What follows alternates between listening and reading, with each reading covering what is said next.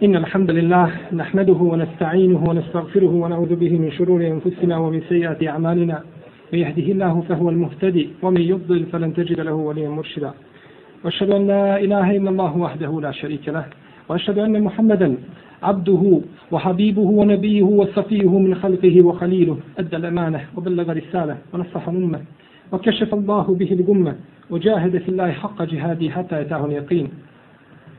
يا أيها الذين آمنوا اتقوا الله حق تقاته ولا تموتن إلا وأنتم مسلمون. يا أيها الناس اتقوا ربكم الذي خلقكم من نفس واحدة وخلق منها زوجها وبث منهما رجالا كثيرا ونساء.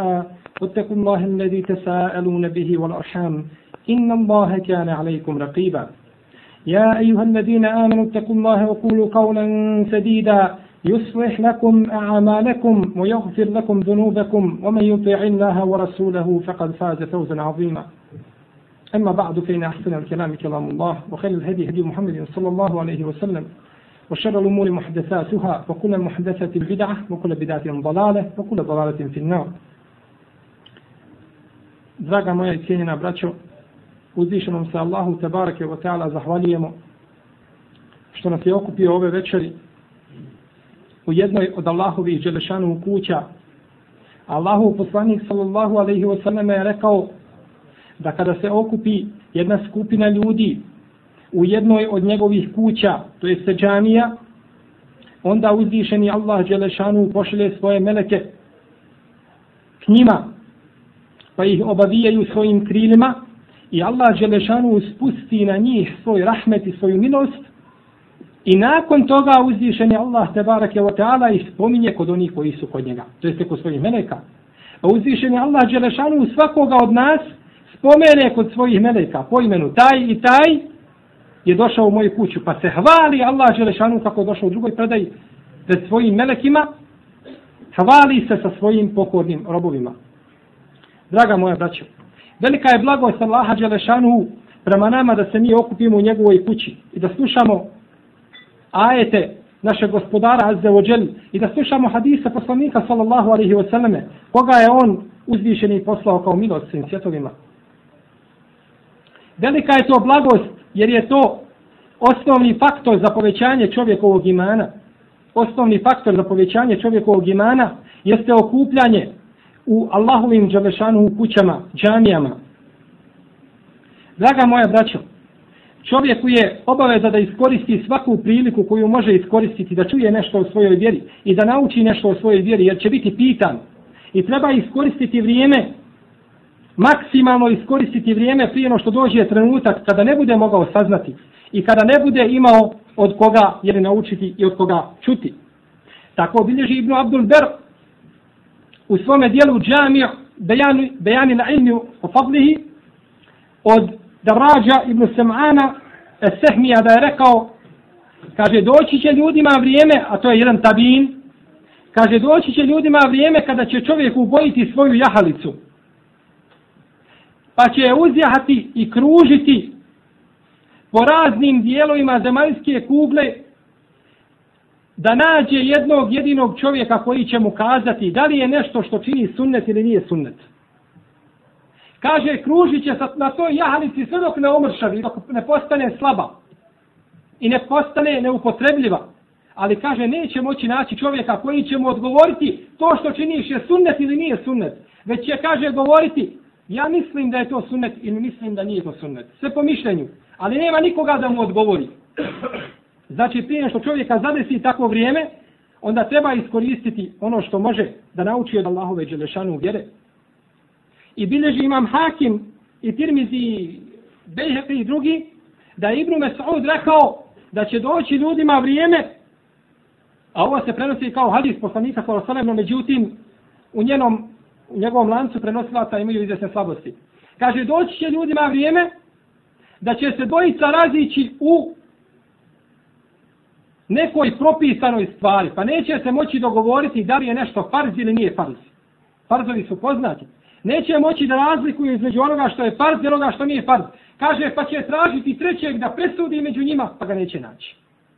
Neće naći. Podignut će uzvišeni Allah, te barak je o teala za Kazao je Allah poslanik sallallahu alaihi wa sallam, koga je zabilježio imam Bukharija i Muslim, Kaže Allah Želešanu neće uzdignuti ovo znanje uzimajući ga iz grudi učenih, da će ga uzdignuti uzimanjem učenih. I na kraju krajeva onda će Allah Žešanu uzdignuti Kur'an. Pa neće pred ljudima ostati Kur'ana. Ljudi će učiti i čitati Kur'an jednog dana kada dođu naći će stranice Kur'ana bijele. Nema ništa u Kur'anu. Uzdignu Allah Žešanu Kur'an i uzdignu ga iz prsa ljudi također. Pa niko neće znati ni jedan ajet jedini. I to će biti najgori ljudi na kojima će Allah Žešanu dati da suti sudnji dan. Hoću kazati da će nestati znanja sa ovoga, sa ovoga svijeta. Draga moja braćo, poučavanje vjeri i pouč, ili poučavanje ove uzvišene vjere povećava čovjekov iman. A to je glavni cilj čovjeka na ovoj zemlji, da mu se poveća njegov iman da se približi svome gospodaru i da mu se Allah Želšanu smile i da ga uvede u džennet. Tako nam Allaha da nema nama bojazni da će nas Allah Želšanu baciti u vatru i da nam je garantovan džennet, nikada čovjek ništa ne bi radio dobri dijel. Jer mu je garantovano ono što je krajnji njegov cilj. No međutim, uzvišen je Allah Želešanu je samo jednoj maloj skupini ljudi zagarantovao džennet.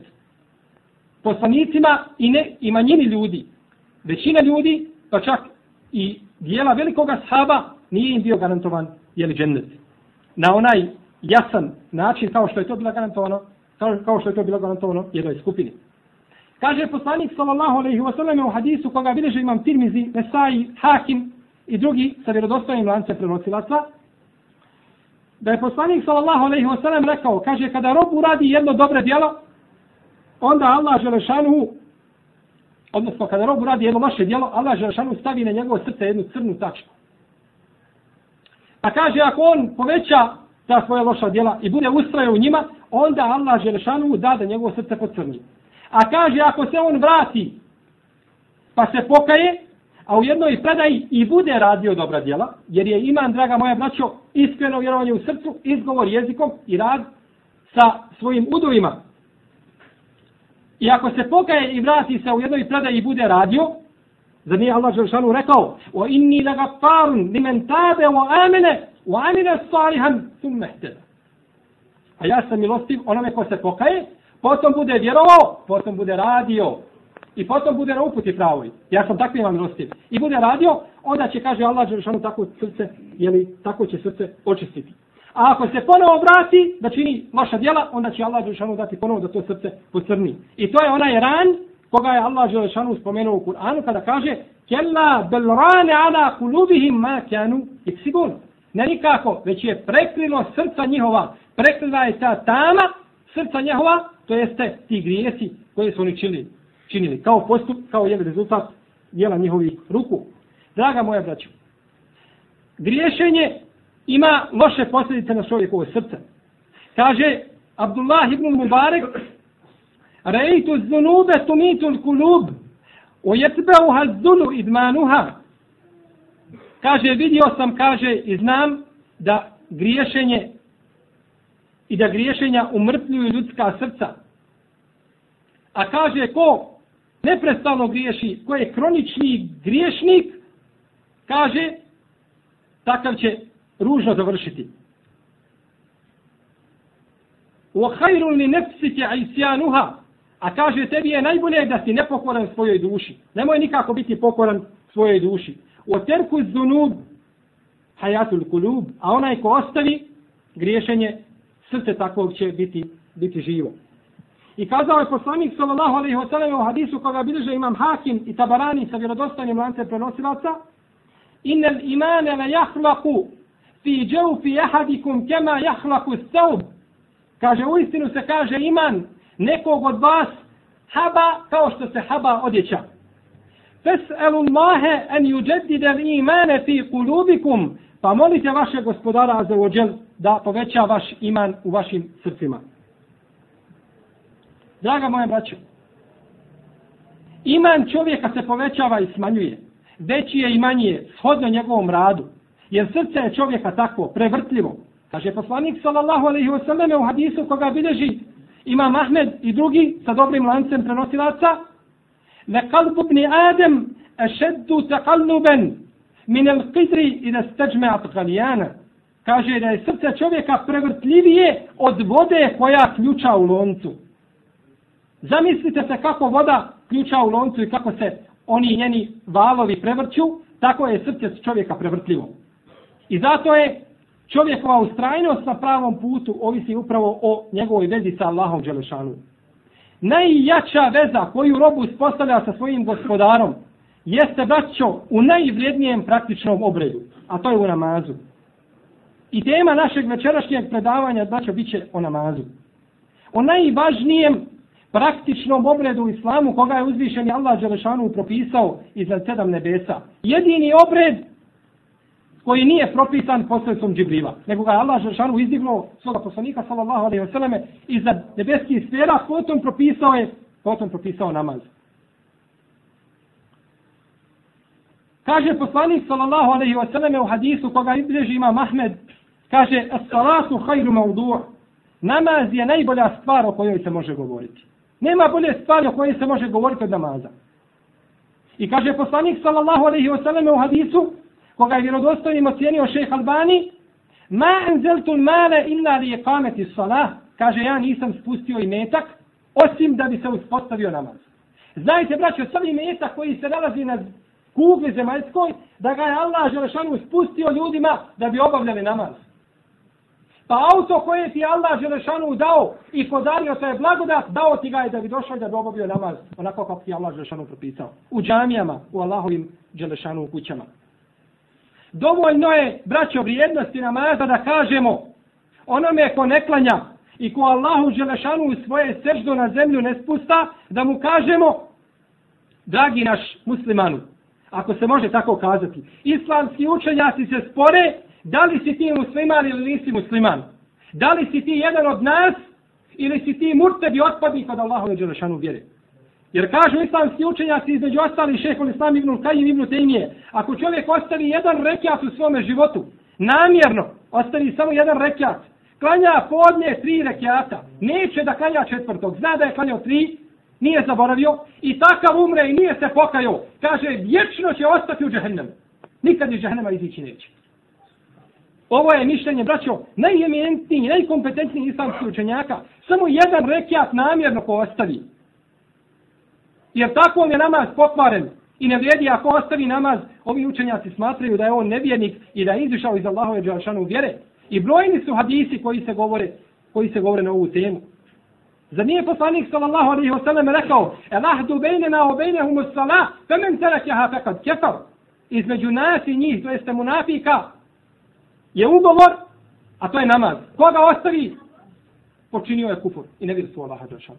Bejna ređuli o bejne širke on kufri tako salat. Između čovjeka i imana i vjerovanja između nevjerstva i kufra i širka je šta? Da ostavi namaz. Ovo su riječi poslanika sa osalem i ove hadise zabilježili imam muslim i tirmizi i drugi. Dovoljno je da kažemo, draga moja braća, čovjeku koji je ostavio namaz. Boj se Allaha Đelešanu i razmisli i znaj da ima islamskih pravnika i učenjaka koji tebe ne smatraju nikako muslimanom, koji se smatraju da si murted, smatraju da je meso koje ti zakolješ svojom rukom haram jesti. Jer je meso od murteda zabranjeno da se jede. Zamislite u kakve nevolje i nedaće može čovjeka dovesti kada ostavi namaz, kada ostavi taj najvrijedniji praktični obred. Kaže Abdul Haq, ili špili, u svome dijelu Kitabu Salah u Ahkjamuha, kada je govorio o namazu, Kaže čovjek koji kada ostavi namaz i ako ne bude bio kafir i nevjernik tim postupom, kaže on svojim stopalima ide ka kufru iako to ne osjećao. Ide ka kufru i sam sebe svojim rukama u propast, u propast baca. Pogledajte, draga moja braćo, kako nam uzvišeni naš Allah te barake o teala slikovito opisuje i opisuje nam riječi onih koji su došli u džehennem, stanovnika džehennema.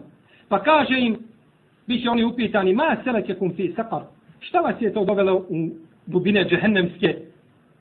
Prva stvar koju navode kao razlog, draga moja braćo, kažu, nem neku minal musalnin, mi nismo klanjali. Mi Allahu Đelešanu nismo na seždu padali. Nem neku minal musalnin, to je prvi razlog zbog koga smo zaglavili džehennem. I završili kao nesretnici tari. Takvi će moliti Allaha Đelešanu da im se odazove Pa se kaže u hadisu, kaže da će moliti Allaha i kaže između te njihove molbe i odgovora je hiljadu godina. Hiljadu godina gore u vatri nakon toga dolazi odgovor. Kakav odgovor? Odgovor. Ih se u fiha ona su kelni mun. Kaže, učutite i nemojte pričati. U, u globalnom prevodu zavežite. Ne pričajte, nemate pravo da pričate nikako. To je odgovor. Kamo sreće da im je bio odgovor, izićite vi, izićite jednoga dana. Ne, nego prekinite, ne pričajte, nemate pravo da pričate. Nikako. Draga moja braćo, namaz. Najvrijedniji obred u islamu. Nema ni jedan musliman pravo da se igra i da se poigrava namazom. Namaz mu je svjetlo. Namaz će mu biti svjetlo na dunjaluku, u kaburu i na ahiretu. Kaže Allah Đelešanu, ela bi zikri Allahi potme innul kulub, u istinu se kaže spominjanjem Allaha Đelešanu smiruju srca. Zar te ne smiri srce vjernika kada spominje svoga gospodara Tebarake o ta'ala? Sigurno. Smiruje. a najbolji način spominjanja Allaha Đelešanu jeste seđda. Jeste u namazu. Kaže poslanik sallallahu alaihi wa sallam neće robu učiniti Allahu Đelešanu jedne sećde, a da ga Allah Đelešanu neće za to uzdignuti stepene i otkloniti mnoge njegove grije. Zbog jedne jedine sećde. Tako mi Allah vraću jedna sežda je vjerniku preča i vrijednija nego cijeli dunjaluk. Nur na dunjaluku, nur u kaburu, nur u kaburu. Kaže poslanik sallallahu alaihi wa sallam u hadisu koga su zabilježili Ibn Abi Šejbe Abdur Razak Ibn Abi Asim u svome sunenu, Imam El Bejhefe u Lijatikadu i drugi sa dobrim lancem prenosilaca, ovaj hadis također zabilježi Ibn Hibban, kaže da čovjek vjernik na sudnjem, odnosno kad čovjek vjernik kada se stavi u kabur, da dođe namaz i stane kod njegove glave. Dođe namaz i stane kod njegove glave. S desne strane njegove stane zekijat, a sa lijeve post ako njegovih nogu stanu dobra djela. Pa kaže namaz, kaže ome se čovjeku ne može prići od glave. To jest neće biti kažnjavan od glave. Jer Allah, poslanik sallallahu alaihi wa je rekao da Allah Želšanu neće kažnjavati čovjekove dijelove tijela koji su pali u vatru. Neće kažnjavati čovjekove dijelove tijela koji su padali na sržbu. Kada čovjek musliman, iako zbog svoje nepokornosti, dođe u džehennem, neće mu vatra doticati njegovo lice, odnosno njegovo čelo i nos i one dijelove tijela koje ima činio seždu. To je Allah Žešanu oslobodio vatre. A na nama je da oslobodimo ove druge tijelove koji su ostali, dijelove tijela koje Allah Žešanu može kažnjavati vatrom. Pa kada dođe u, u mezar, kada ga stave u kabur, kazat će post ne može doći sa moje desne strane. A zekijat ne može sa lijeve. A kažu dobra djela ne može sa strane nogu pa će doći mu meleki pa će ga ispitivati. Šta kažeš onome čovjeku koji vam je poslan? A njemu će se pričiniti negdje tamo u daljini da sunce zalazi. Pa će im kazati čekajte da klanjam akšam. Sačekajte me da klanjam akšam namaz pa će vam onda odgovoriti. Pa će, čovjek na Dunjalu ko bio vezan za namaz, znao je kad zalazi sunce da tu ima namaz, da je Allah Želešanu propisao akšam namaz u to vrijeme. Čak u svome kaburu kaže pustite me da klanjam. Kako će Allah Želešanu kažnjavati toga roba? Koji u kaburu traži da obavi Allahu Želešanu namaz. Pa će mu kazati, obavit ćeš ti svoj namaz, samo nas pusti da mi tebe ispitamo, da obavimo mi svoju dužnost. Šta kažeš o čovjeku koji vam je poslan? Kaže, to je bio Muhammed, Resulullah, Allahov vjerovjesnik i Allahov poslanik, koga smo mi slijedili i njemu se pogodili. Kaže, pa će mu Allah Đelešanu, kaže, otvoriti njegov mezar za 70 poglastica. Pa će mu biti osvjećen. Neće mu biti tjesan. Pa ćemo Allah Želšanu pokazati njegovo mjesto u džennetu koje mu je pripremio. Pa će se radovati kad vidi šta ga čeka. Pa ćemo Allah Želšanu pokazati također njegovo mjesto koje, u kome bi bio u džehennemu da je bio nepokoran. Pa će se još više radovati. Što se je spasio džehennema i što ga je Allah Želšanu uveo. A kada dođe nevjernik, upitat će ga, nema, nema nikakve zaštite. Ni od glave, ni s desna, ni s lijeva, ni i od sa bilo koje strane. Pa će ga upitati šta kažeš onome čovjeku koji vam je poslan. Pa će reći, ha ha, ma edri, ma edri. Ne znam, ne znam, kaže, svašta su ljudi govorili. Ne znam ko je to. Kaže, pa će mu pokazati mjesto koje mu je Allah Đelšanu pripremio u vatri. Pa će izgubiti nadu. U vatri koje mu je Allah Đelšanu pripremio. Pa će mu Allah Đelšanu nakon toga, kaže, pokazat će mu mjesto u džennetu koje bi mu bilo, njegovo mjesto koje je njemu bilo pripremljeno, da je bio pokoran. Pa će to još više povećati njegovu tugu i žalost. Pa će, kaže Allah Želšanu, dati da se kabur njegov sjesni, tako da će njegove kosti prolaziti jedne kroz druge. Od tjeskoće kabura. I tako će onda imati postelju od vatre i pokrivač od vatre i tako do sudnjeg dana. A kad nastupi sudnji dan, kazat će, kad vidi vatru džehennemsku i kaznu, kazat će gospodar moj daj da ne nastupi sudnji dan. Nemoj gospodar da nastupi sudnji dan. Ostavi me u kaburu u vatri. To mi je bolje nego vatra, vatra džehennemska. Draga moja braćo, prolazio je poslanik sallallahu alaihi wasallam pored jednog kabura koji je bio friško zakopan, pa je kazao, kaže, ome čovjeku, ome kaburu, dva rekiata koja vi klanjate na ome svijetu su, kaže, draža njemu, nego cijeli ovaj vaš dunjalu koga vi imate, koga vi vidite. Samo dva rekiata. Dobrovoljnog namaza, kaže poslanik. Nije farza, niti sabah namaza u džematu, nego dva dobrovoljna rekiata su draža njemu, nego cijeli dunjalu i svega što je na dunjalu. Kaže šehol Islam ibn Kajim u svome dijelu, Kitabu Ruh, da bilježi Imam El Halili u svome dijelu El Iršad, od skupine učenjaka prvih generacija, da je jedan čovjek izišao na put, pošao da stiče znanje i da uči. Pa je došao, umorio se od puta, pa je došao u jednu dolinu i klanjao dva rekiata, i potom pored jednog kabura u blizini jednog kabura legao da spava. Pa je u snu vidio toga čovjeka koji je u tom kaburu. Pa mu kaže ovaj čovjek koji je u tom kaburu, o Allahov robe, kaže, ustani i klanjaj. Vi, kaže, stanovnici zemlje, znate, ali nećete da činite, ne ladite. A mi, stanovnici kabura, znamo, ali ne možemo da činimo. Mi bismo to rado činili. Kaže mu taj čovjek, tako mi je Allaha, ta dva rekiata koja si ti klanjao, da sam ih ja klanjao, draža bi mi bila od cijelog dunjaluka. Jer kako dunjaluku ima vrijednost kod Allaha Đelešanu? Kaže poslanik sallallahu alaihi wa sallame, u hadisu koga bileže ima Mahmed i drugi, kaže da dunjaluk vrijedi kod Allaha Đelešanu, koliko krivo jedne mušice, nikad ne bi nevjernika jednog butljaja vode napojio. Nikad ne bi to dao nevjerniku. Ali to kod Allaha ne vrijedi ni malo. Prolazio je poslanik sallallahu alejhi ve selleme jednog dana sa svojim ashabima pored jedne mrtve ovce, uginule lešine. Pa je uzeo za njeno uho i upitao ashabe. Kaže, ko bi kupio ovo za jedan dirhem? Pa su kazali, o Allahu poslaniše, ta životinja da je živa, mi je ne bi kupili za dinar ili za dirhem. Kakva korist kad je tako mršava i slaba? Kaže, tako mi Allaha, kaže, tako je dunjalu kod Allaha Đeršanu bez Kao što je ova uginula životinja bezvrijedna kod, na, kod vas, tako je dunjalu kod Allaha Đeršanu. Nikakve vrijednosti nema. Draga moja braća, nur čovjeka, Namaz će biti nur čovjeka na dunjaluku. Biće nur čovjeka u kaburu i biće nur čovjeka na ahiretu. Zar nije Allahov poslanik sallallahu alaihi wa sallam rekao da će Allah Đelšanu sedam skupina ljudi staviti u svoj hlad? Jedna od tih skupina kaže čovjek čije srce bude vezano za džamije. Za mjesečine, za Allahove Đelešanu, za Allahove Đelešanu kuće. Kazao je Allahov poslanik sallallahu alaihi wa sallam u hadisu koga je zabilježio ima muslim. Kaže kada Allahov rob ustane da klanja Allahu dželešanu pa se abdesti pa izapere svoja usta i nos kaže izliđu grijesi koji su u ustima i nosu. Pa nakon toga kaže kada opere svoje lice kaže grijesi kapaju sa krajeva njegove brade kao što voda kapa. Tako grijesi izlaze sa njegovog lica. Pa kada opere ruke, tako sa ruku kapaju grijesi. Tako sa glave i tako sa nogu.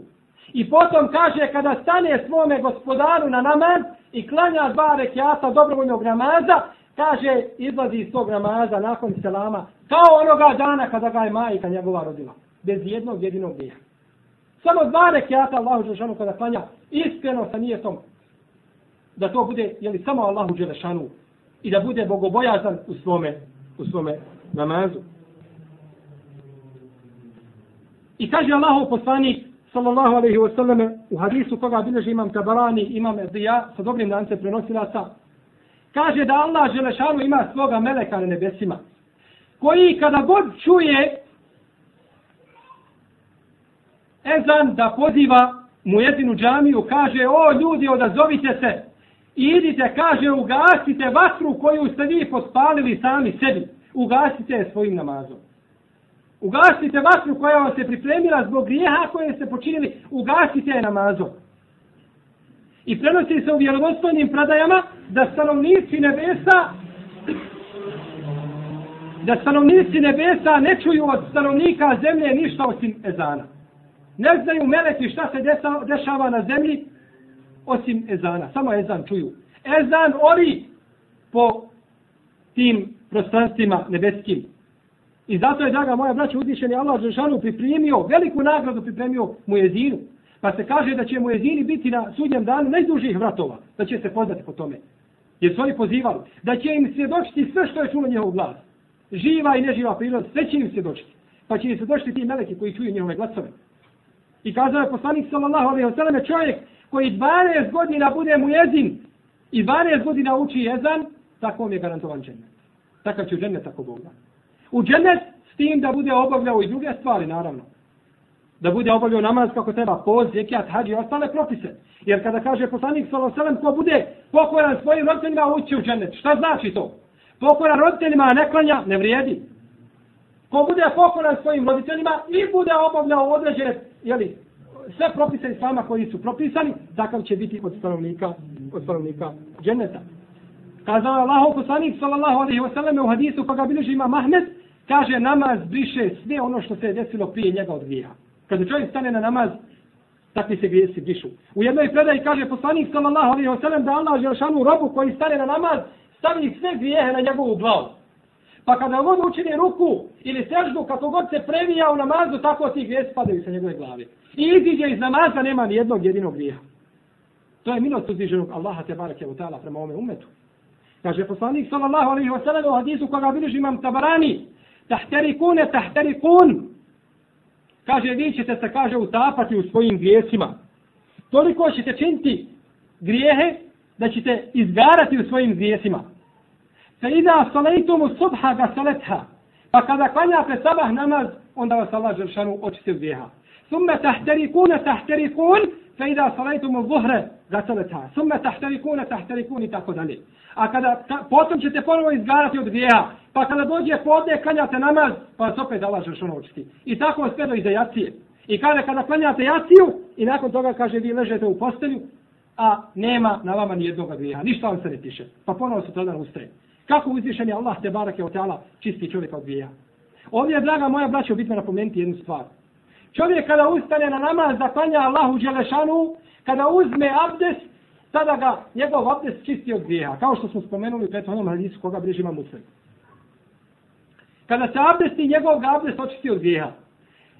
E sada kada klanja, taj njegov namaz više ga neće čistiti od grijeha, jer je on očišćen od grijeha, nego tad mu namaz povećava njegove stepene. Pa je uzeo dvije nagrade i dvije dobre stvari. Očistio se od grijeha i Allah Želešanu povećao njegove stepene. Shodno njegovom ihlasu i njegovoj iskrenosti prema Allahu Želešanu. Jer će dva čovjeka, kako kaže Sufjane Seuri, stati jedan pored drugog u namazu, rame uz rame i stopalo uz stopalo, zbijeni u slaku, a između njihovih namaza kao između nebesa i zemlje.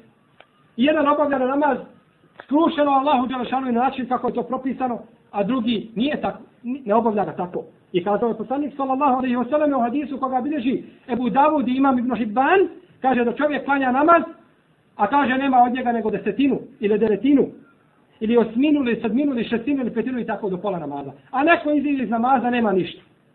Ušao u namaz, izišao iz namaza, ne zna ni šta je učio, ni šta je klanjao. A neko može samo imati grije od svoga namaza. Zato je neophodno, braće, da čovjek obavlja namaz na način kako je to propisao Allahov poslanik sallallahu alaihi wa alihi wa sallam. Došao je Faris ibn Šihab, jedan tabin kod Salmana al Farisije, pa je boravio sa njim. I kazao je, ja želim, kaže, da vidim šta ti to činiš od ibadeta. Pa je Salman al Farisija po noći klanjao kratka dva rekiata noćnog namaza i nakon toga je zaspao i ništa više klanjao. Pa kada je to vidio ovaj Faris ibn Šihab, smatrao je to nešto mali, nije to smatrao neko veliko djelo. Smatrao je da Selman al Farisija čini nešto više od toga. Pa kad mu je to spomenuo, kaže mu Selman, dobro ti pazi na propisane namaze. Oni su, kaže, Oni, kaže, čiste čovjeka od njegovih grijeha. To je ono što čovjeka čisti od onoga što počini od loših, od loših dijela. Draga moja braća, najvrijedniji praktični obred nakon dva šehadeta je namaz. Nema vrijednijeg dijela koje čovjek može učiniti od namaza. Nemoguće je. Nemo, nemoguće je da učini bilo šta od dijela što je vrijednije od namaza. Najvrijednije dijelo. I znajte da nema ponosa ome umetu osim sa namazom. Kada vidite čovjeka u ovim teškim danima za muslimane, da poučava muslimane nekom od propisa namaza. Znajte da takav čovjek žudi i žuri za uspostavljanjem hilafeta islamske države. Znajte to i budite ubjeđeni. Kako? Možda će neko kazati, zar nije džihad ono što mi trebamo da činimo?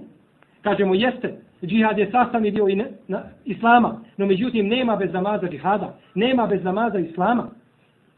Zar nije poslanik sallallahu alaihi wasallam rekao da je namaz stup vjere i da bez namaza nema vjere? I zar nije Allah Žešanu rekao Allazine im nekennahum fil ard ekamu sala one koje kada ih učvrstimo na zemlji damo im čvrsto tlo, to je sa širijatsku državu, ekamu sala, obavljaju namaz. Prva stvar i prvi a, i, i ovaj prvi uvjet koji je uvjet ovim muslimanima da bi dobili učvršćenje čvrsto na zemlji jeste da obavljaju namaz. Nema bez namaza učvršćenja za zemlji. I neće jedan narod doživjeti svoj ponos osim, osim uz namaz. Kada pogledamo, draga moja braće, u džamije muslimana današnjice, kako muslimana na ovim prostorima, tako i muslimana u islamskom svijetu, vidjet ćemo te džamije da su prazne. Da se naši muslimani u Bosni i Hercegovini i na drugim mjestima odazivaju u džamije, da li bi naše džamije bile prazne kao što se sada? Da li bi bilo dovoljno da u jednom gradu koji broji između 30, 40 ili 50 hiljada stanovnika bila dovoljna jedna ili dvije ili tri male džamije? Sigurno da ne bi. Džamije su prazne. Džamija poslanika sallallahu alaihi wasallam se proširivala četiri puta u vrijeme Ebu Bekra. Hilafet Ebu Bekra je bio samo dvije godine i tri mjeseca. Četiri puta u to vrijeme se proširivala džamija. Generacije su ulazile u islam. To je bilo mjesto gdje su se odgajali, gdje su se odgajali muslimani. Ovi su ljudi dobro shvatili vrijednost i ulogu džamije u islamu. I zato su tako postupali. Kaže Ebu Ubejdillah al-Kawariri, kaže nikada me nije promašio sabah namaz i jacija namaz u džematu. Nikada. Pa ako je uvijek klanjao sabah namaz u džematu i jaciju namaz, onda je klanjao i druge namaze. Jer je potpuno nelogično i neshvatljivo da čovjek klanja sabah u namazu, a da se ovaj, da, ga, da propusti podne i kindiju i akšan. Kaže, osim jedan put, samo. Došli su mi, kaže, gosti, kaže, pa sam se s njima zabavio. Kaže, pa se nisam mogao odazvati na poziv moje zina. Ne da nisam mogao, nego sam, kaže, zakasnio. Kaže, kada, su, kaže, kada sam izišao na namaz, kaže, našao sam da su ljudi već završili u svojoj džamiji, kaže, zatakao sam ljude da su već završili namaz.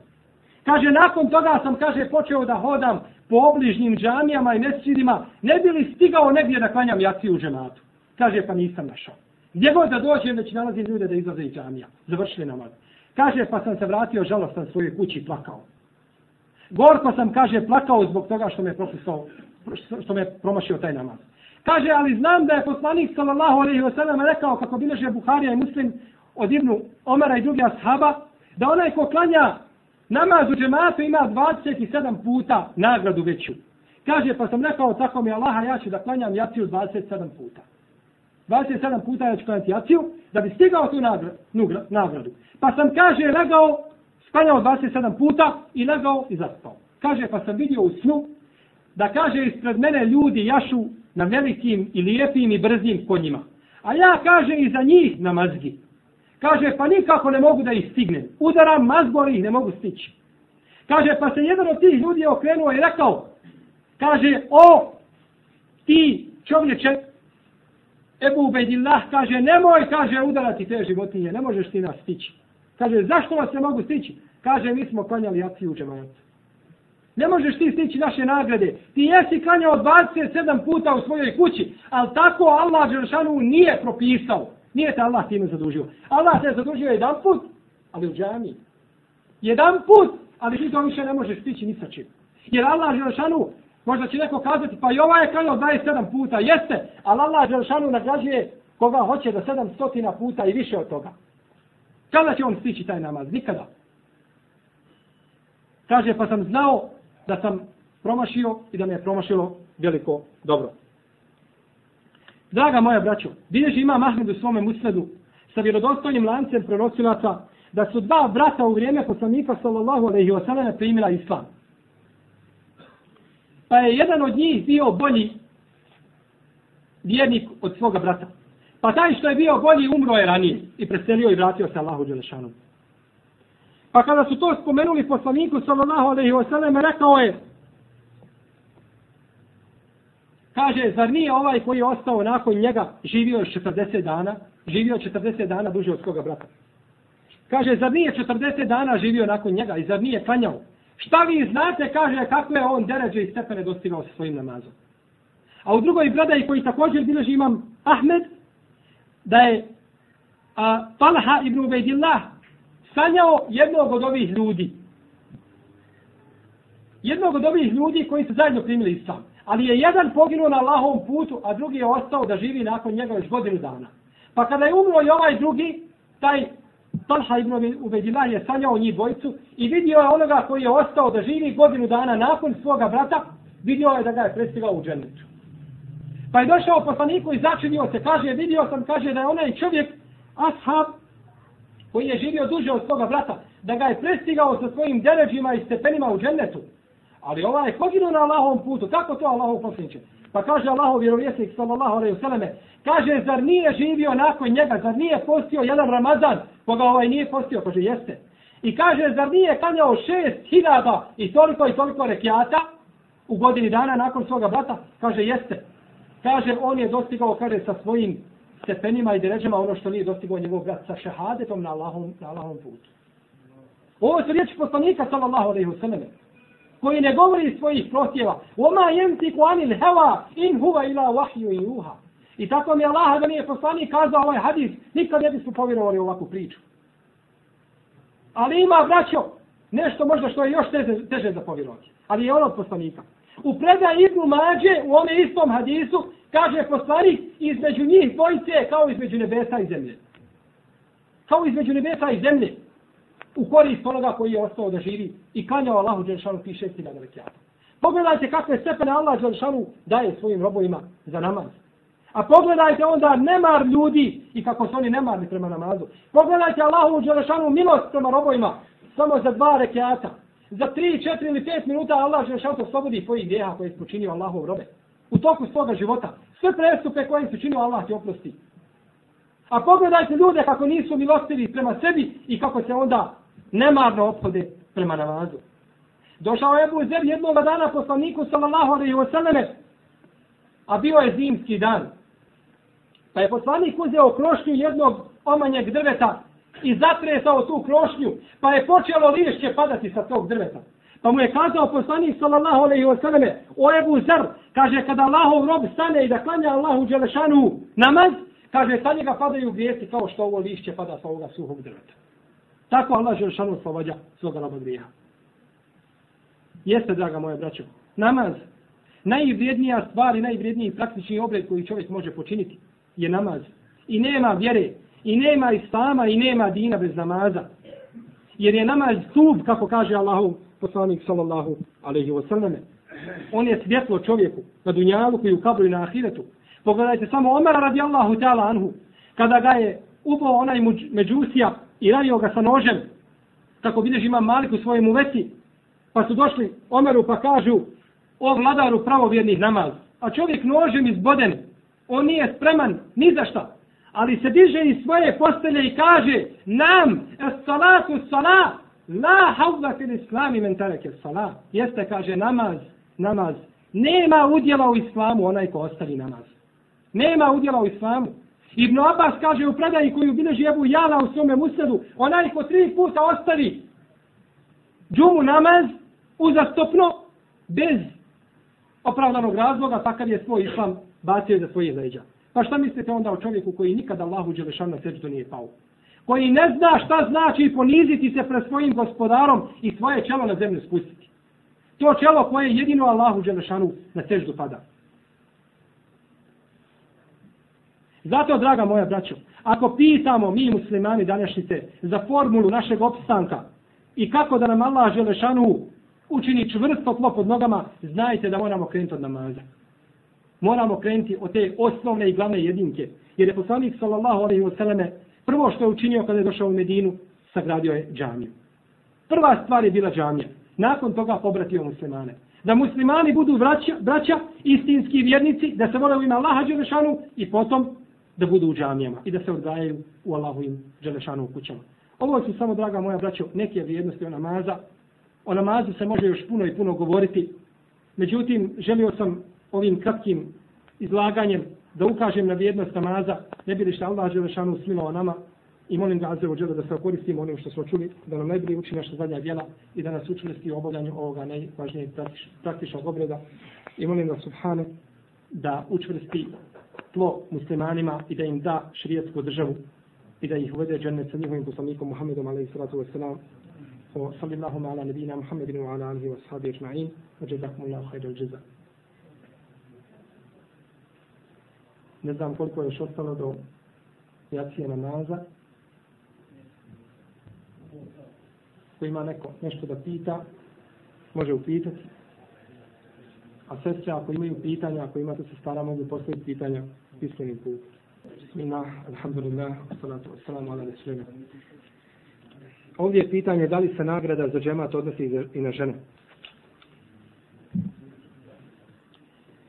Poslanik sallallahu alaihi wasallam je rekao ashabima u hadisu koga bilježi imam Buharija i Muslim, a koga je prenio Ibn Omar, kaže nemojte braniti svojim ženama da izlaze u džamije.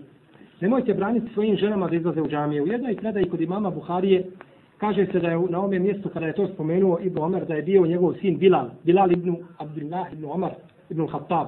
Znači, to je bio o, unuk Omara ibn Khattaba. Abdullah je njegov sin.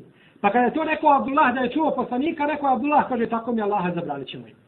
Pa kaže, Omer mu je, Ibn Omer mu je prišao, Abdullah ibn Omer, njegov otac, kaže, pa ga je tako izgrdio, izružio, kaže, Nafija, taj prenosio od hadisa, Kaže, nikada nisam čuo da je tako nekoga izgradio i izružio. Kaže, ja ti kažem da je poslanik rekao da ne branimo izlazak ženama u džamije, a ti kažeš zabranit ćemo im.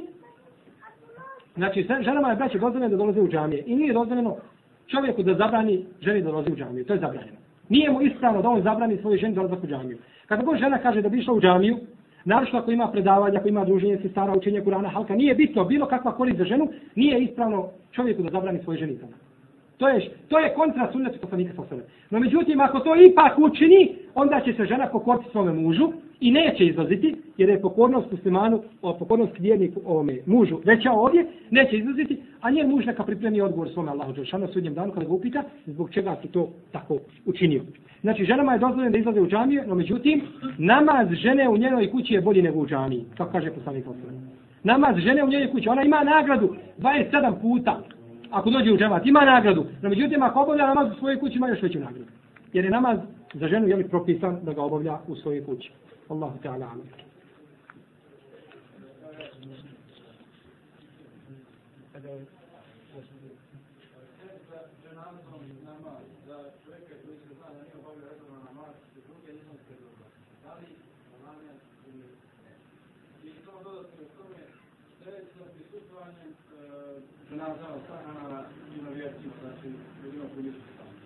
Koji nisu? Znači, ovo se pitanje sastoji iz dva dijela. Prvi dio ovoga pitanja jeste a, za dženazu namaz jeste koji je, koji je, koji nije praktikovao sve propise islama. Spore se islamski učenjaci, to se vraća na pitanje da li onaj ko ostavi namaz vjernik ili nevjernik. Većina islamskih učenjaka kaže, naravno iz potonjih generacija, iz kasnijih pokoljenja, kaže da je takav čovjek musliman nepokornik. Smatra se muslimanom, nepokornikom, velikim griješnikom. Međutim, ima mišljenja, i to je dio Selefa, vstupaju to mišljenje, da je takav čovjek nevjernik. Koji je obavljeno namaz, nema mu dženaze.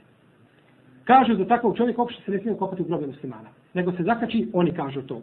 To kaže taj dio učenjaka. On se, on se zakači za magare i odvuče se na smeći. Ne može se nikako ukopati među muslimana, jer ga ne smatraju muslimanom. Ovo je mišljenje jednog dijela učenjaka uleme. Jeste. Znači, vraća se na to pitanje. Da li smatra po hanefijskom mesebu takav čovjek je musliman? Smatra se muslimanom? Po malikijskom također i po šafijskom. Kod Hanbelija imaju dva mišljenja. Kod Hanbelija imaju dva mišljenja, no međutim, ovdje imam El Mawardi u svome dijelu a, El Insaf, da je ipak prioritetnije mišljenje kod imama Ahmeda da on nije nevjernik. No, međutim, veliki dio islamskih učenjaka iz, iz Hanbelijskog mesela, poput Ibn Tejmije, Ibn Kajima i drugi smatraju da je takav čovjek nevjernik i da mu se rekla na ženazu. To je jedno. Znači, to se vraća na fad. Međutim, znači, ako je čovjek ponekad klanio, pa nekad ostavio i šaro i tako dalje, nema smetnje, žalo vam se klanja ženaza ili mu slaži oprosta, no međutim, on je ovaj uh, u velikoj opasnosti. Yes. Drugi dio pitanja jeste da li je dozvoljeno čovjeku da pristupuje dženazi nevjernika. A u, u svakom slučaju ovome pitanje ovaj, a, ima jedno dijelo koje će izići, ako Bog da neće se puno zabaviti, on ima lažeš da iziđe uskoro. O tome smo podrobno govorili o prisustvu vjernika muslimana na ženazama, a nevjernicima i tako dalje. Uglavnom ukratko, dozvoljeno je čovjeku da pristuje dženazi ako je to neko vezan za njegovu porodicu. Međutim, ako nije vezan za njegovu porodicu, nije ispravno da pristuje. Ne treba pristuje. Bilo da je vezan neko, neko iz firme, neko iz komšija i tako dalje, ovdje ovaj nevjernika, čovjek neće pristati njegove dženazi. Međutim, ako je neko iz njegove porodice umro, na primjer čovjek primio islam, a babom ostao nevjernik, nema smetje da okupa svog babu i da ga umota u čekine da ga zakopa. I tako kaže Ibnu Abbas u predaji koju bilježi Abdurazak u svome Musannefu, I također navodi se u jednoj predaji da je, da je Alija radijallahu anhu došao poslaniku sallallahu alaihi wasallam i rekao mu, kaže, onaj tvoj ludi i zalutali Amidža je umro. To jeste njegov otac Ebu Talib, tako? Pa mu je naredio poslanik da ga ide ukopati. A dok ga je išao ukopati Alija, znači da je bio tu prisutan. I tako navodi se od više učenjaka iz prvih generacija da su dozvolili to ako je čovjek u neko bližnji i naravno ako nema ko da on pomogne i tako dalje, jeli ukopu samom i da prisuje tome. Neki kaže učenjaci, to se prenosi od Omara radijallahu anhu, kako navodi a, a, ovaj, kako navodi se u, u Abdureza, kod Abdurezaka i kod Ibrede Šejbe, kaže možeš uzeti sebe pa ih ispred dženaze, neki kažu odboji se daleko iza dženaze, neki kažu uzjaši konja pa idi ispred i gleda iz daleka i tako dalje. Uglavnom u svakom slučaju nema smetnja ako neko bliži, inša Allahu teala, da čovjek pristruje toj dženaze. Iako ima i sam slučajaka koji kaže ne može nikako ni približiti se tom, to jeli, njehovi povorci, pogrebu ili pokupu, kako je. Yes.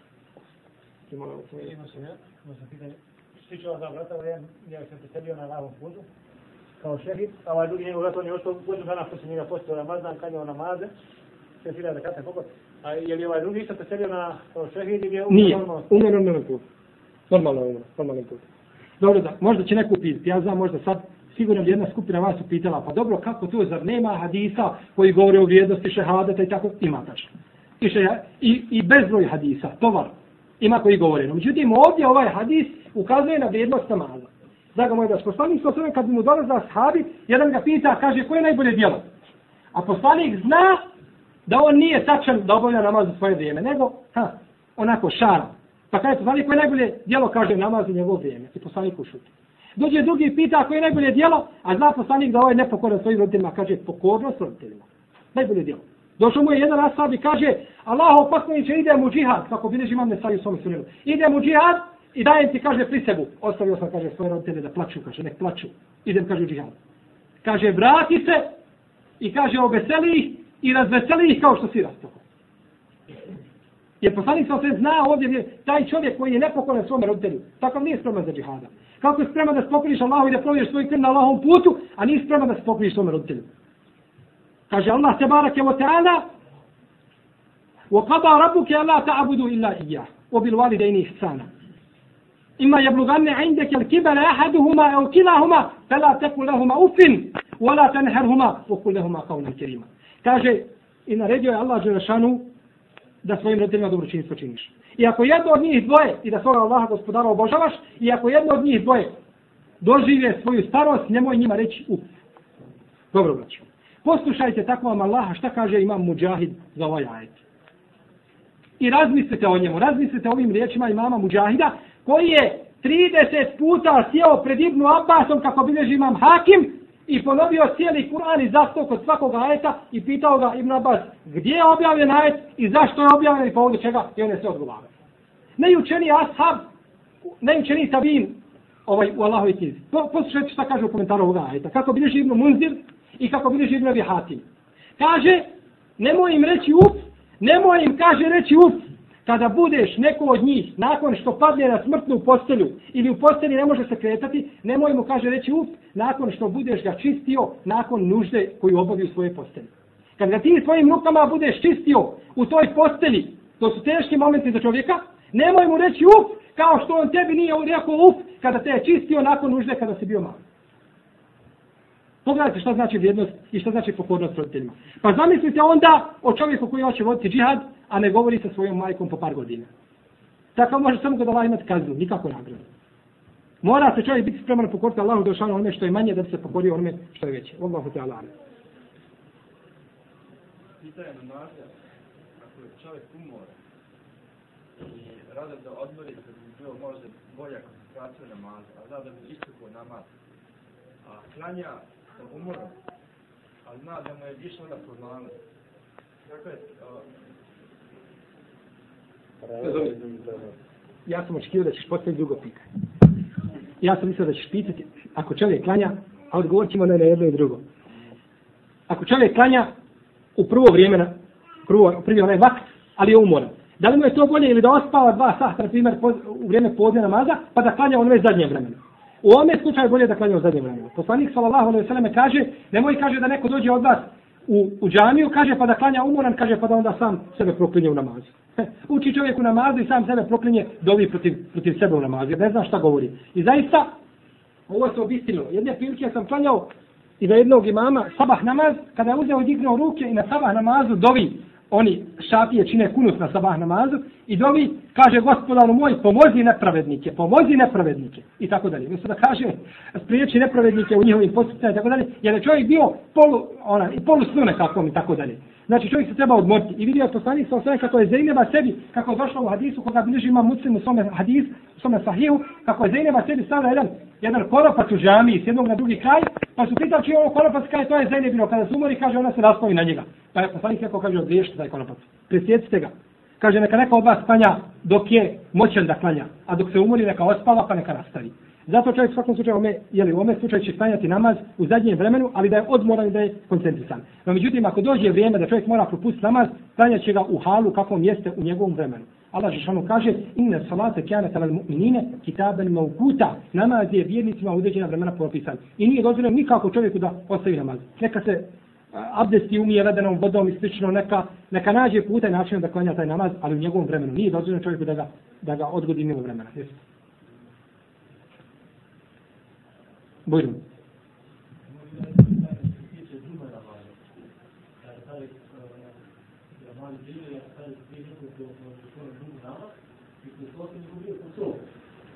Oprosti, oprosti, kako? Da, jesu i ali ja sam se dobro, branio sam i radio sam se pretvore sve što se njega radi. I um, gospodin on dakle, koji je bio neki Nemac, on je rekao, neće, da je putio njega, njim nama da klanja. Yes. I um, ja sam imao to putovanje. Znači, majke za rodinu, čim da sam došao da klanjam džumu namaz, da sam se to izgubio to. Majka nije zadovoljna tvojim postupkom. Je tako? Tvoja majka nije, Ne, ne, ali tvoja majka nije zadovoljna s tim tvojim postupkom što si ti ošao i klanjao. Jes, u redu. Jes. Da Allah Želešanu nas svi uputi da nas učini se na pravom putu. Ako tvoja majka nije zadovoljna, a ono je Allah Želešanu da i nju učini zadovoljnom, tvoj gospodar Bog da zadovoljna s tobom. A to je tebi bitno. Nema vrijednost i nema utjecaj ni otac ni majka kada su vezani Allahovi propisi kaže Hasan el Basri kako bilježi imam Buharija u svome sahihu, kaže kome majka zabrani da klanja jaciju namazu džematu, kaže neka joj se ne pokori. Nema pokornosti. Jer Allah poslanik sallallahu kaže nema pokornosti ovaj a robu u nepokornosti svome stvoritelju. Neće čovjek pokoriti ni ocu ni majci ako je u tome nepokornost Allah Žešanu. A u tebe je bila prava nepokornost da čovjek radi jer neće da se dozove na džumu namaz. Vjernik se mora petkom odazvati na džumu namaz. Inša Allah, da se ti se pogorio Allahu Đelešanu, a roditelj nema tu, nema utjecaja i nema pravo roditelj da se ljuti i ne može jeli, pregovarati za takav posao. A na tu nama se mora ne dođe što se tiče, ja sam se na to slušali, da ne pride se kao meni što je bilo kao Yes. yes. kaže, ne može gdje, ako ti ideš da ti to to, ti otideš na tu nama da klanjaš, i budiš to kao to, to, Razumijem. Allah te jeste, brate, jeste moram. Mora brać. Namaz je namaz je propisan i džuma je namaz propisan. I džuma se mora obavljati. I džuma se mora obavljati u džaniji. Ja razumijem stanje, braće, ovdje, i znam kako se to otprilike ovaj, sve odvija i tako dalje, no međutim čovjek mora tražiti puta i rješenja ovaj, da nađe sebi drugi posao, drugi firmi i tako dalje gdje može to obavljati normalno. Jer najlakše je kazati ovaj, ne može se i na tome se zaustaviti. No međutim mora se. To je Allah Žešanu propisao. Nije dozvoljeno. Petkom, ne može se petkom, čovjek muslima ne može petkom praviti podne. Nema toga. Petkom ulema kaže petkom je propisana džuma namaz. Nema podne. Propisana je džuma. E podne je samo klanja, neko ko ne može klanjati džume, da se džuma klanja u džematu. Džuma se ne može klanjati pona osob. Ne može u svojoj kući staviti ženu i djecu klanjati džumu namaz. Nego mora u džamiji. Džumu namaz nije obavezan klanjati rob i žena i putnik i bolesnik, kako kaže poslanik sa osanem. U svakom slučaju, o tome pitanje ko, nije, ko meni dobro klanjati ima posebna knjiga u džumi, evo ovdje moći se vidjeti nakon namaza, ako Bog da po tome posebno se govorilo, o, to, o tome se pitanje posebno govorilo, jest. Ali u svakom slučaju džuma se mora klanjati i čovjek mora nastaviti da nađe puta i načina da klanja. Jest. Bujrom hađija. Ja primjer, u naši ljudi koji rade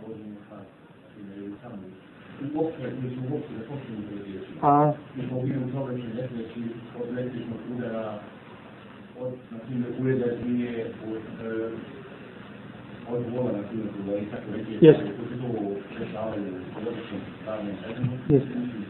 Da se ti ljudi računaju kao šeridi ili kako se Mm. kao šeridi koji se boru na svoje Božjem putu ili i kura isto će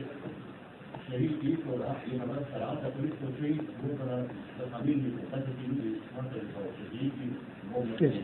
Allah te. A, znači, pitanje je čovjek koji bi poginuo na radnom mjestu, bilo u djedala električne struje, saobraćane nesve, slično, i slično tome i tako dalje, da li se čovjek, čovjek smatra šehidom? Čovjek sjeo u svoje auto i krenuo u džame da voji namaz. Da li se smatra šehidom? Draga moja braća, šehid je čovjek koji pogine na bojnom polju. Koji pogine na bojnom polju, prilazeći, ne bježeći. Čovjek koji okrene leđa na boljem polju nije šehid. Nego leđa, kada okrene čovjek i počne bježati, to je onaj veliki grijeh. Počinio jedan od velikih grijeha. Mora prilaziti, znači, svojim tijelom da pogleda na pravom putu. Osim ako je on prilazio da se pripoji drugoj skupini ili da zavara neprijatelja, to je drugo. Ali ako bi bježao, u tom slučaju ne bio šehid. Znači, šehid je čovjek na bujnom polju. To je šehid kod koga nema razilaženja među islamskim učenjacima. Šehid je također onaj ko pogine, ko se utopi. Šehid je onaj ko se utopi. Šehid je onaj a, kome se sruši njegova kuća na njegovu glavu. Krov kuće kad se srušio na njegovu glavu, takav je šehid. Kao u Palestini što vidite kada oni židovi prokleti, kada ruše kuće na glave naših muslimana, žena i djece, ti koji poginu po tim rušajima, inša Allah, htjela da su šehidi. I šehid je žena koja pogine na porodu, umre na porodu stvari i tako dalje. Znači imaju te neke skupine koje je Allah Želšanu izdvojio da su šehidi. No međutim, nemamo šerijetskog dokaza da čovjek koji iziđe da radi ili čovjek koji sjedne u auto da pođe u džamiju, slično tome da je takav čovjek šehid. Ne smatra se, on se ne može smatrati šehidom. On ima nagradu kod svoga gospodara, ako je izišao sa čistim nijetom, da radi i da zaradi svoje porodici, pa pogino, ima nagradu kod svoga gospodara. Međutim, možemo time dostići stepen šehida samim tim dijelom, shodno hadisima, ono generalno opšte pravilo da ne može dostići. Jer šehid je nešto posebno. Za šehida mora biti postojati, znači šerijetski propis, odnosno šerijetski dokaz. I šehida, braćo, imaju tri vrste. Šehid na dunjaluku i šehid na ahiretu. Šehid na dunjaluku, a nije na ahiretu, i šehid na ahiretu, u stvari, šehid a, niti na dunjalu, šehid na ahiretu, a nije na dunjalu. Prvo šehid na dunjaluku i na ahiretu je čovjek koji pogine ovako na bojnom polju. Koji pogine na bojnom polju, prilazeći, ne bježeći, takav ima za njega svezu, vežu propis šehida. On se ne kupa i, umot, i on se ukopao u odjeći u kojoj je poginuo i u toj će odjeći biti, biti proživljen i ne kupa se, ne klanja mu se dženaza. To je po jačem mišljenju. Kod hanefijskih učenjaka oni imaju ovdje opet poseban stav, oni smatraju da se klanja ženaza i tako dalje. To je znači čovjek koji je šehid na dunjaluku i na ahiretu. Šehid koji je na dunjaluku, a nije na ahiretu, to je šehid, u stvari šehid koji je na ahiretu, a nije na dunjaluku, to je šehid onaj koji, na primjer, a, koji se utopi. Tako on se čovjek, on se kupa i njega on se umotao u čepine i njemu se kanja dženaza. On je kod Allaha šehid. Kod nas mi ga ne smatramo šehidom, on je tamo šehid. I ima čovjek koji je šehid kod nas, ali nije kod Allaha, a to je čovjek koji dođe na bojno polje i koji se bori, a mu natike. Ne bori se zbog Allaha. Kao onaj čovjek, kao što je došao u predaj koju bilježi ima muslim, da je čovjek došao, došao da se borio na Allahovom putu i svi su gledali u njega i kažu kako je ovaj čovjek hrabar i kako je pravi borac. Pa je rekao poslanik, to je stanovnik vatre. Pa su ashabi začudili, zbog čega stanovnik vatre, on se bori na Allahovom putu, pa kada je bio ranjen nije izdržao pa je stavio sablju ovaj na svoje grudi i naslonuo se na svoju sablju tako da je ona izdržao na njegova leđa i otišao u vatru. Takav je jeli, takav je bio šehid, takav čovjek može biti kad bi poginuo, ali on je u stvari munafik, on kad bi poginuo, mi ćemo njega smatrati šehidom, ali on kod Allaha Žešanu nije šehid. Wallahu ta'ala.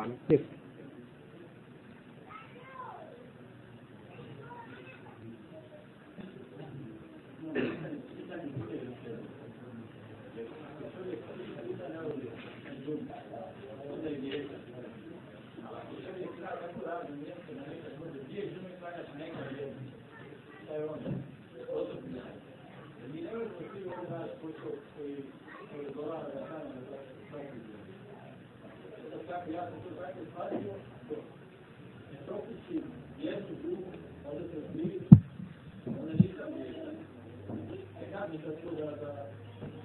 Dobro, razumio se. Jeste. Razumijem. Moram ti reći, oprosti, nažalost, da si, nisi ispravno shvatio. U ovoj predaji kaže Ibn Abbas, ko klanja tri džume, on je zabacio svoj islam iza leđa. To je to izišao iz islama. Ko ne klanja, šta sam rekao? Ko ne klanja tri džume, bez, znači nema razloga šerijetskog, takav je izišao iz islama po Ibn Abbas. Znači nije on samo griješan. Čovjek je griješan, znači dostavi jednu džumu. Mora se naći puta i način da se džuma obavi. Nije, nije opravdanje vjersko, niti šarijatsko, da čovjek kaže ja radim. To nije Mora naći čovjek puta da obavi.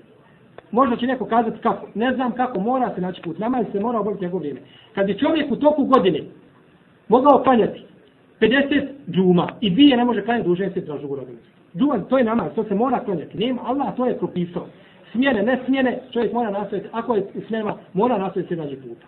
A vjerujte, braćo, ja znam, možda su ove riječi nekima od vas teške i ne mogu ispatiti. Ali propis je takav po pitanju namaza to je namaz, to je vjera, to je din. Oko namaza nema igre. A znajte, braćo, kada čovjek nastoji da nešto uči, da će mu Allah olakšati. Vjerujte, znam mnogo, mnogo muslimana koji izbiru tako situaciji. Nije mogo klanjati, nije mogo ništa. Allah je ovo je dao da sad klanja i duha namaza na poslu.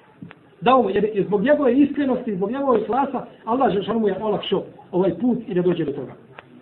I zato čovjek mora nastojati da nađe drugu firmu, da promijeni posao i tako dalje.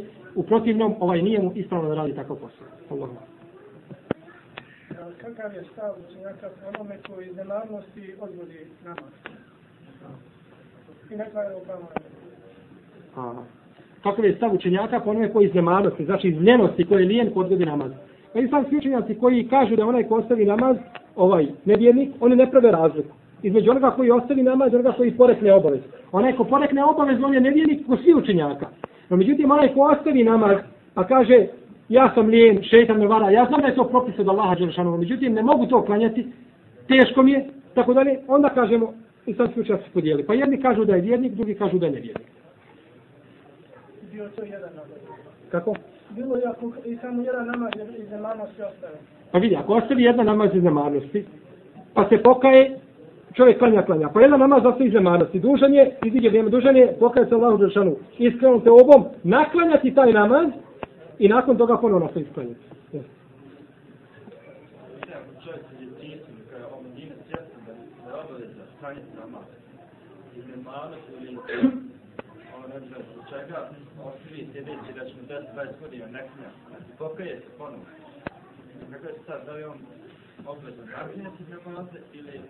Onaj, onaj znači ko ne klanja jedan a, a, veći broj namaza u svojoj mladosti ili prođe ga jedan dio života nije nikako klanjao i nakon toga se pokaja Allahu Đelšanu i počne klanjati, takav neće naklanjavati namaze koji su ga pro, prošli. Jer bi to bilo, prvo, to nije, poslanik sa nikom naređivo, bilo je mnogo ovaj ashaba koji su ulazili u vjeru, nije naređivo, dobro prije vjeru, naravno, nevjernik ne može klanjati, ali kroz generacije umeta nisu naređivali islamski učenjaci, onome ko se pokaje, nisu im naređivali da klanjavaju namaze koji su ostavili. I to bilo veliko opterećenje za čovjeka. Šta mislite kad je neki čovjek koji nije klanjao 30 godina? Svaki put kad klanjaš podne, dva podne. Svaki put kad klanjaš i dvije ikindije i tako dalje. Taj čovjek sigurno ne bi izdržao. Jer onaj ko je, a šta je onaj ko se pokaje u 60. godinu, 70. godinu? On svaki dan morao, on nostop mora biti 26 sada, mora biti na, jel, na namazu. Da bi uspio nadokrenuti ono što ga je prošlo. Jesi. Ne mora neka se pokaje iskreno Allahu Đelešanu, a inša Allah tala će Allah šano prosto ono što je bilo prije toga.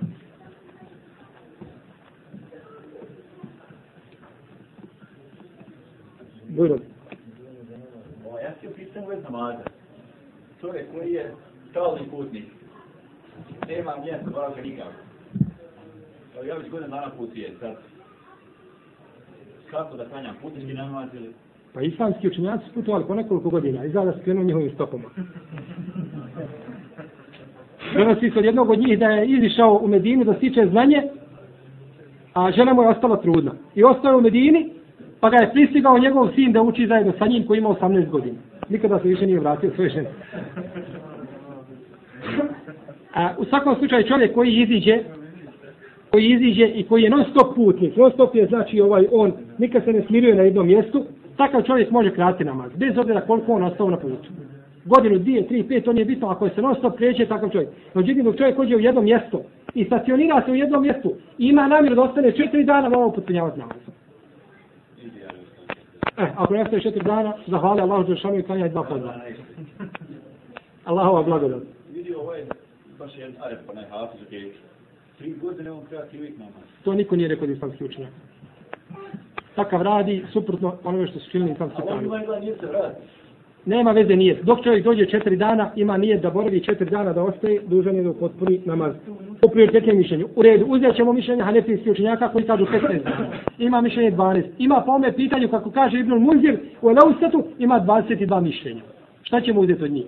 Koje je bilo da uzmemo možda nijedno ne prolazi više od 30 dana. Kako onda bi čovjek klanja 3 godine? Jesu. Ima nije da se vrati svaki dan. Kako? Ima nije da se vrati možda što... Pa, ne znam da neko dođe u Austriju pa da boravi 3 godine, a da ima nije da svati svaki dan. Ako ima takav nije, onda je ispravno. I ovo u džihadu koji su bilo godinu, godinu dana bio skrađivan namaz. To je bio džihad i tamo je u džihadu. To nije ispravno. Ko dođe u jedno mjesto da boravi tu, bilo džihad, bilo lijevo, bilo desno i boravi u tom mjestu, nije mu dozvoljeno da klanja skače namaze. On nije više putnik nakon toga. Osim čovjeka koji kada bi došao u jedno mjesto, na primjer, došao je čovjek iz Bosne, traži lijek za svoga babu i kruži po Njemačkoj. Svaki dan je u jednom gradu ili po Evropi. I dođe u jedno mjesto dva dana i obiđe to mjesto apoteke, ne nađe i ide dalje. I tako prođe godinu dana, non stop kruži i samo čeka da nađe taj lijek ili da nađe taj lijek i da se vrati, takav čovjek, čak i kad ne bi kružio, kad boravi u jednom mjestu, takav čovjek može uh, krati namaz. Jer on ne zna kad će vrati. On nije namijetio i kamet da boravi četiri dana. Jer on sutra ako dobije taj lijek, on se vraća. A čovjek koji dođe u džihad u Bosnu i vidi da je Bosna opkoljena sa 3000 strana i, i čeka ovaj dvije godine krati namaz i nada se da će ovaj svaki dan otići. Ka, čemu se može nadati? Kad će taj džihad možda potrajati, se vide su po 9 godina i tako dalje. Mora čovjek u tom slučaju potrebiti namaz. Reci, brate. Ima se.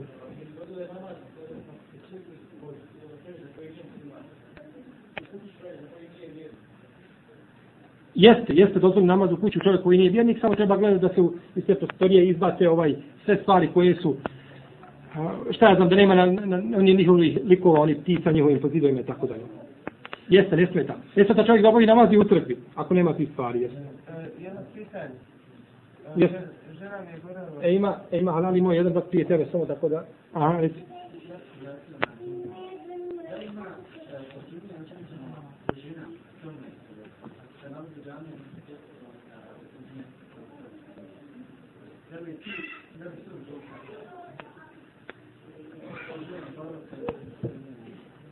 Da li je regulisano da čovjek ima određeno rastojanje da ide na džumu namaz?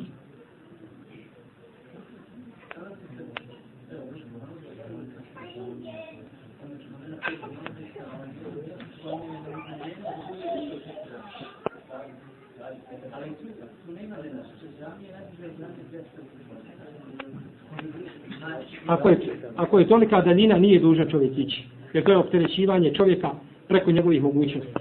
Ovaj, da čovjek ide toliki put da bovio namaz i tako dalje, to bila a, to bi bila jel, veliko, veliko opterećenje za čovjeka, ali u šerijatu u svakom slučaju nema nešto što je regulisano da čovjek da se mora odazvati. Jedino ako uzmemo hadis u kome poslanik kaže da čovjek dužan da se odazove mu jezinu koga čuje, onda bi to bilo drugo, kao i za druge propisane namaze. To bi onda bilo da čovjek se mora odazvati muezinu koga čuje sa, koji bi učio sa džamije ezan.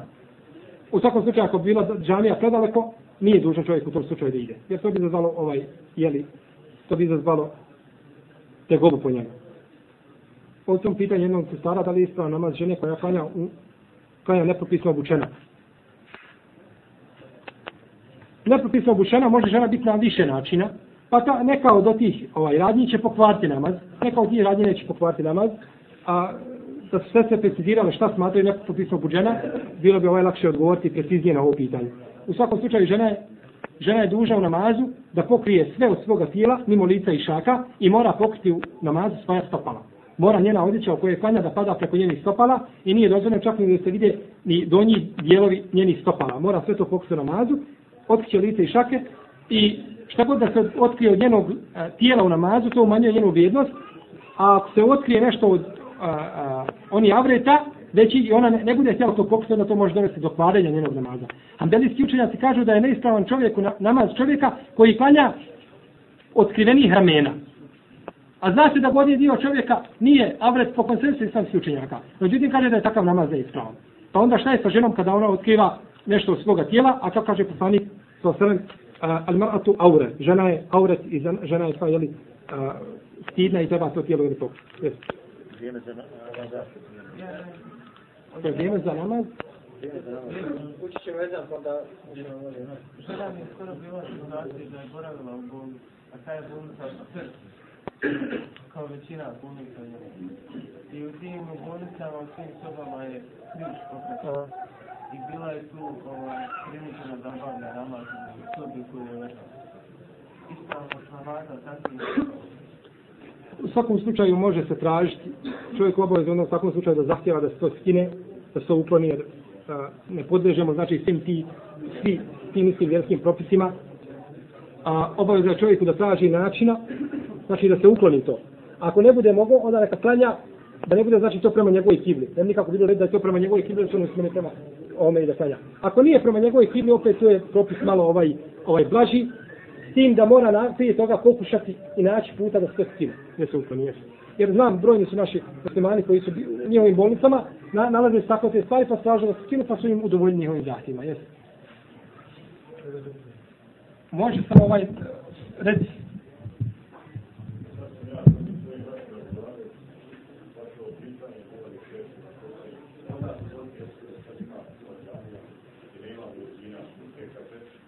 je, da se uči jezan, a da se uči jezan sa kasete. U svakom slučaju poziv je ispravan, no međutim to je novotarski jedan put. Kako rade u islamskom svijetu? Recimo u Amanu, kada puste ezan na radiju, tad se ezan sa radija uči preko radija i u svakoj džami ima radio i prelijeva se preko zvučnika i sve jedan preko zvučnika i sve jedan